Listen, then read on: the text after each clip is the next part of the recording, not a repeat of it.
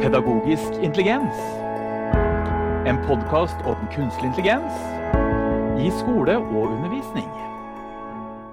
Hei på vei, og hjertelig velkommen til denne episoden av podkasten Pedagogisk intelligens, kunstig intelligens i undervisning og skole.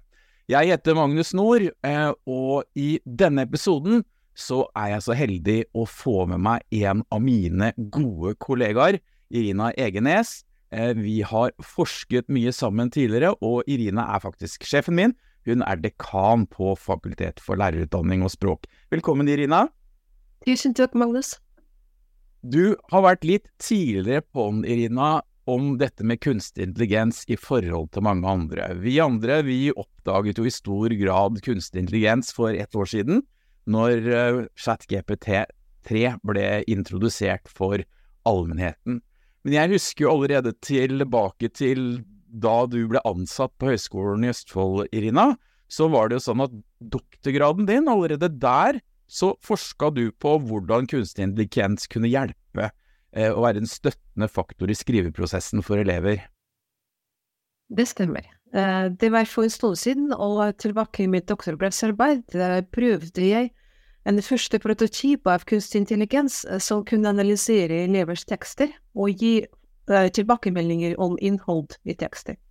Som sagt, det var en veldig enkel første prototyp av kunstig intelligens som ble programmert av forskere i prosjektet og utviklet av IT-folk i Gangpong. Og den, og den prototypen den var tilpasset bare et tema, og det var English as global language nok en gang, så det var kunne analysere elevers tekster og gi individuelle tilbakemeldinger eh, som var guidene for elevene hvordan teksten kunne forbedres i neste utkast. Og nå har du et par år vært prosjektleder for et prosjekt som har en forkortelse som er veldig lang. Jeg skal prøve meg på en riktig uttale. AI for AFL.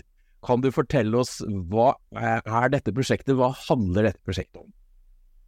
Ja, AI for IFL, eh, det er forkortelse av um, Artificial Intelligence for Assessment for Learning to Improve Learning and Teaching in the 21st Century. Og det, uh, dette prosjektet faktisk bygger på den tidligere arbeidet som, som jeg gjorde da jeg var tilbake som stipendiat, som har et mål å utvikle en kunstig intelligens eh, som kan analysere elevers tekster og, og gi forskjellige typer tilbakemeldinger um, som indikerer hvordan teksten kan forbedres. Um, som vi vet, um, dette prosjektet på en måte har et mål for å støtte vurdering for læringsprosess, som ble innført uh, i norske skoler tilbake i 2010, uh, og det var mange forskjellige initiativer Eh, for å trene lærere, også for å få um, dette prosjektet implementert i undervisningspraksiser i skoler.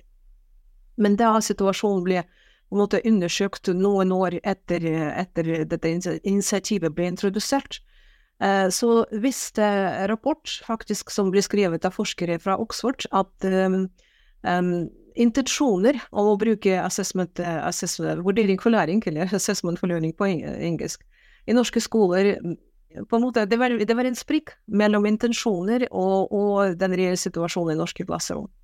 Og grunnen til det var uh, veldig enkelt, at lærere uh, Det var veldig ressurskrevende og tidskrevende for, for lærere å, å bruke um, Implementere den prosessen i selve undervisningspraksis, det vil si at de brukte veldig mye tid for å rette hver eneste utkast og gi individuelle tilbakemeldinger for elever. Så, så, derfor, eh, på en måte til tross av for gode initiativer og masse godt arbeid som blir gjort, så strever denne prosessen fortsatt eh, i norske skoler i å implementere det som, som hverdagstilnærming til, til utvikling skriveferdigheter hos elever. Så egentlig det som vi, vi sier, at vi, vi gjorde dette prosjektet, eller ikke bare sier, men vi gjorde dette prosjektet, så vi utvikler kunstig intelligens uh, som kan uh, på en måte forenkler lærerens arbeid, som kan analysere elevers tekster, og gi dem forskjellige tilbakemeldinger som kan være veiledende i skriveprosess. Det vil si disse tilbakemeldinger um, på en måte sier til elevene hvordan teksten kan forbedres fra utkast til utkast. Hvorfor tenker du at det prosjektet dere lager nå er viktig? Ja, Fordi eh, da eh, disse initiativene ble introdusert til Norge om eh, implementering eller innføring av vurdering for læring i, i norske skoler, um, ble på en måte så vi vet at vurdering for læring det er ikke en fancy tilnærming til, til, undervisningen, men det er en måte for å utvikle elevenes um, skriveferdigheter, men også forståelse hvordan å skrive en god tekst. Og den forståelsen er kjempeviktig når vi snakker om lære og læretilnærming. Og det har vi snakket også over flere år, at det er viktig å ha et dobbelt formål i undervisningen, både som utvikler elevers konseptuell uh, forståelse, men også utvikle forståelse hvordan å lære. Hvordan tilnærme meg, hvordan engasjere meg og drive sin egen læringsprosess. Men eh, intensjonen er helt riktig, men eh, hvordan å på en måte overføre disse intensjonene i læringsprosess. Og så hvilken praktisk råd kan vi gi til lærerne, og hvordan å designe den undervisningsprosess. Um, det vet vi veldig lite om, det trenger vi veldig mye mer kunnskap uh, om sånne praktiske råd. Men faktisk den vurdering for læringstilnærming, uh, som består av um, på en måte et sett av strategier eller steg som kan enkelt uh, overføres i undervisningsprosess, det er faktisk um, en av disse sånn uh, nyttige uh, tilnærmingen som lærerne kan bruke for å utvikle elevers skriveferdigheter, men også utvikle forståelse hvordan å skrive en god tekst. Så på en måte vi ser på vurdering for læring på vurdering for læring som en måte å fremme elevenes forståelse hvordan å lære seg å lære. Og Derfor er det kjempeviktig kjempeviktig å få det innført i, norsk, i norske skoler, men samtidig avlaste lærere i selve prosessen, slik at det skal være rett og slett overkommelig å lære å bruke den vurdering for læring-tilnærming i utvikling av skriveferdigheter. Prosjektet deres jo, har jo flere mål. Det ene er jo, hvis jeg har skjønt, også rett og slett utvikle et verktøy som kan være støttende for eleven og læreren i skriveprosessen. Men dere har også fått mye penger av Norsk forskningsråd, som hadde tro på prosjektet, Eh, så jeg lurer på, hvis, vi, hvis, du tar på deg forskerhatten din, eh, hva er det dere forsker på i dette prosjektet? Ja, og eh, som, som jeg sa i stad, som det er den teknologien som vi holder på å utvikle i prosjektet, den er basert på kunstig intelligens. Og vi trenger mye kunnskap, veldig mye kunnskap egentlig. Hvordan, hvordan, eh, hvordan bruker man kunstig intelligens i undervisningsprosess, altså i læringsprosess?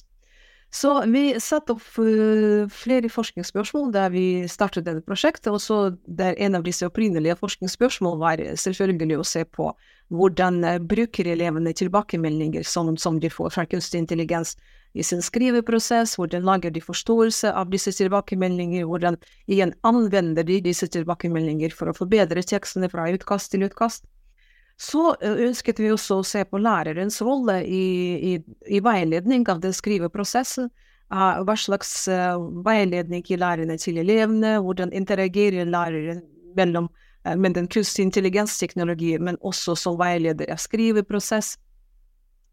Så vi vet vi at det er flere andre ressurser til stede når en sånn skriveprosess skjer i klasserommet, så det er veldig interessant for oss å se mellom forholdet mellom eh, kunstig intelligens og tilbakemeldinger som kunstig intelligens gir til elevene, men også hvordan interagerer elevene både med kunstig intelligens og også andre ressurser som er tilgjengelige. Både på nett og så papirbaserte ressurser som elevene bruker fortsatt i klasserommet. Eh, men også litt, litt, litt sånn større, større, spørsmål, også hvordan interaksjon med kunstig intelligens eh, påvirker utvikling av lærers og elevers digital kompetanse, også digital handlingsrom på en måte, en måte for å anvende eh, kunstig intelligens for å løse disse problemstillingene som må løses. Men mens vi, mens vi er godt inn i prosjektet, og vi har vært i prosjektet i to år, så ser vi at det er flere spørsmål som, som er interessant også å utforske i prosjektet, og som dukker opp mer og mer mens vi engasjerer oss i bruk av kunstig intelligens. Som for eksempel ehm, hvilken kunnskap trenger elevene, og lærerne ikke minst, når de tar kunstig intelligens i bruk i klasserommet? Hvilke kompetanser trenger de for det, for de får, får interagere med kunstig intelligens på en meningsfull måte? Ikke minst, eh, det er flere etiske aspekter ved bruk av kunstig intelligens. Så igjen, hva trenger elevene og lærerne eh, å vite om etikk, faktisk, når, de bruker kunstig intelligens i, i, sin læringsprosess? Så på en måte mens vi går, går inn i prosjektet, så dukker det opp flere spørsmål som vi ønsker oss å utforske i dette prosjektet. Jeg vil jo tenke meg at mange av lærerne som er publikum til denne podkasten, tenker jo nesten at dette er for godt til å være sant. At de rett og slett ikke har tenkt på at kunstig intelligens kan være en, en aktør i forhold til i formativ tilbakemelding, f.eks. Kan du fortelle litt om, om, den teknologien dere utvikler i prosjektet? Uh, ja den teknologien, altså vanlige spørsmål eh, som jeg får, eh, er det ChatGPT som dere holder på å utvikle, eller er det noe annet? Eh, så jeg kan si at det er, det er, kunstig intelligens, og det er noen likheter med, med ChatGPT, eh, men i utgangspunktet er det, litt, er det litt forskjellige teknologier, så det er ikke ChatGPT. Og vi sier så ChatGPT er en sånn generativ kunstig intelligens som skal skrive tekster um, for, for, oss. Men i utgangspunktet, den teknologien som vi utvikler, har et pedagogisk formål eh, som er helt sentral. Og den ikke skriver tekster, så egentlig tekstene må skrives av elevene, men den teknologien kan analysere tekster og gi forskjellige typer tilbakemeldinger. Og disse typer tilbakemeldinger, det er eh, vanlige tilbakemeldinger som brukes i vurderingsprosess av eh, skriveprosess i norske skoler som, som, går på språk, som går på innhold, og som går på organisering av tekster. Um, en, annen, um, en annen, på en måte viktig aspekt i den teknologien, og, hvor pedagogikken er helt sentralt, at uh, den teknologien, og den kalles dessuten Essay Assessment Technology, eller forkortelse IT, den gir ikke riktige svar.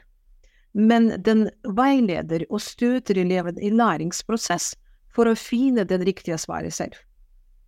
Som for eksempel hvis eh, den i tilbakemeldinger på språk, og eh, som tar for seg tre aspekter. Det er, eh, det er staving, det er ansetting, og det er grammatikk. Så oppdager den kunstig intelligens en grammatisk feil, så gir den beskjed til eleven. Så her i den setningen er det mulig feil. Og så den kan egentlig foreslå elevene så gi den en tips for å se på en regel f.eks. som elevene kan lese og anvende for å rette den feil selv. Så egentlig den, i bunn og grunn, så den gir ikke riktige svar, men den veileder eleven for for å finne den riktige svaret selv. Og det tenker jeg er veldig viktig, fordi det er der læring skjer. Hvor elevene som bruker forskjellige ressurser, men også som på en måte tips uh, som den tilbakemeldingen gir til elevene, for å finne den riktige svar, og så rette den svaren selv. Og der, og der læring skjer. Så i bunn og grunn så der igjen Vi har masse teknologier som, uh, som kan uh, rette tekster, men det er ikke så mye læring når elevene får riktig svar med en gang.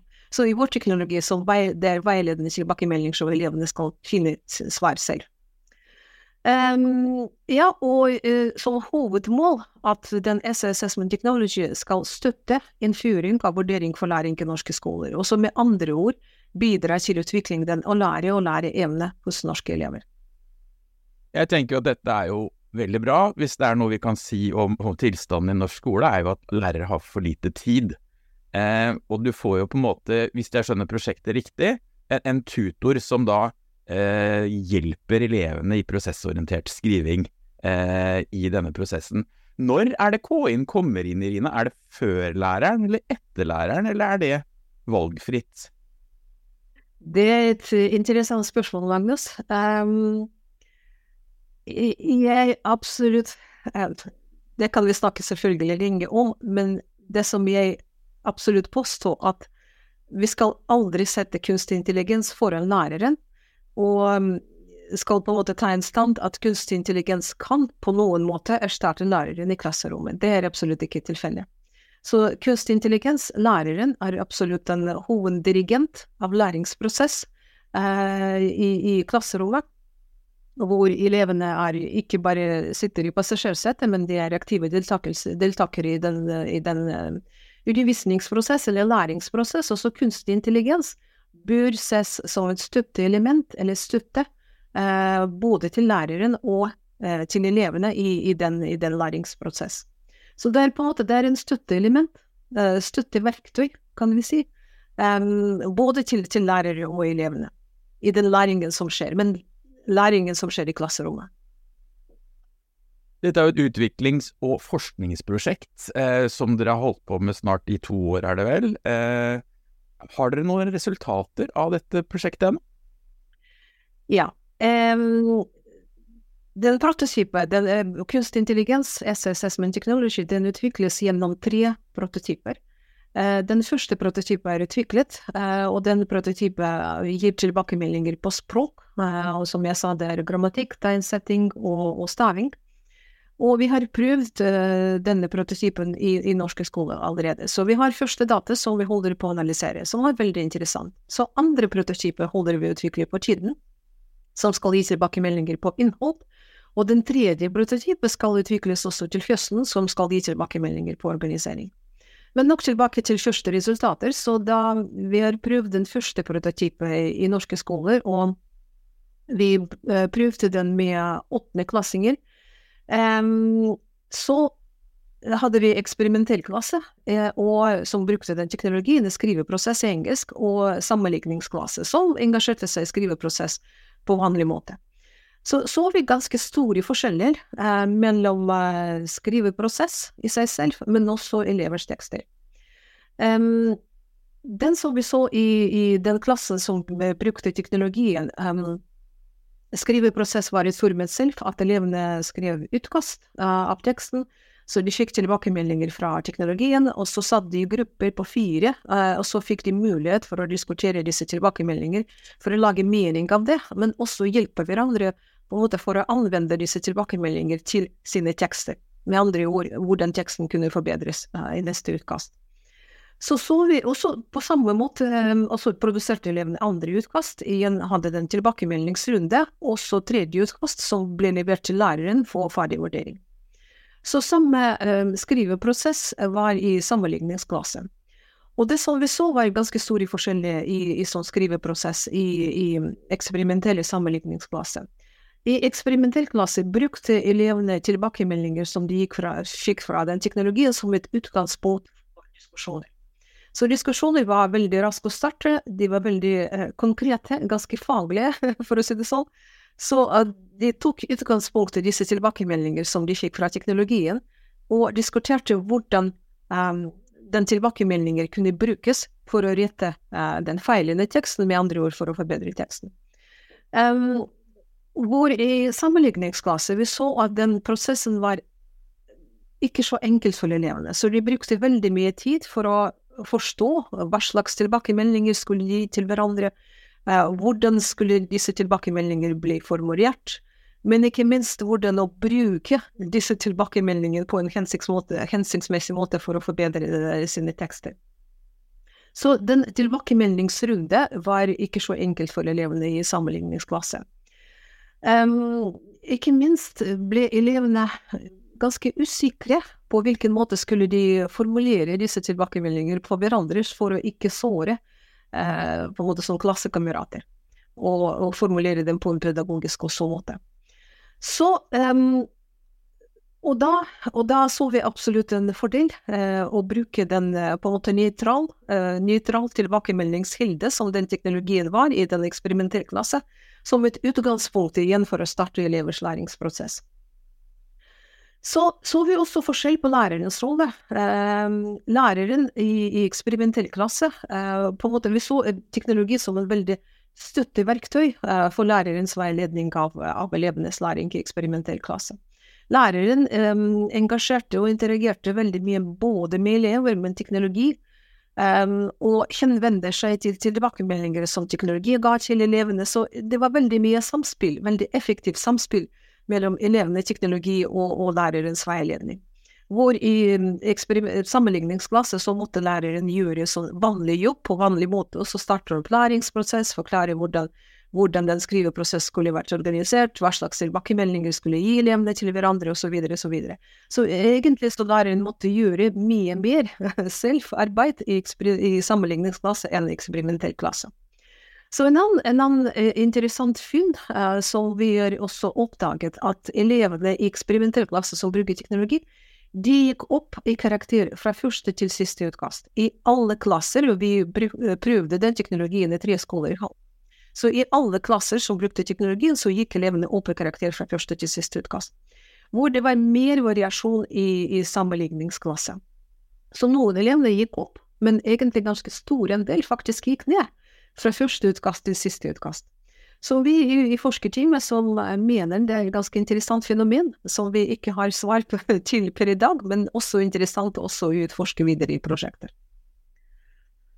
Det var det kort sagt om, om uh, foreløpige funn.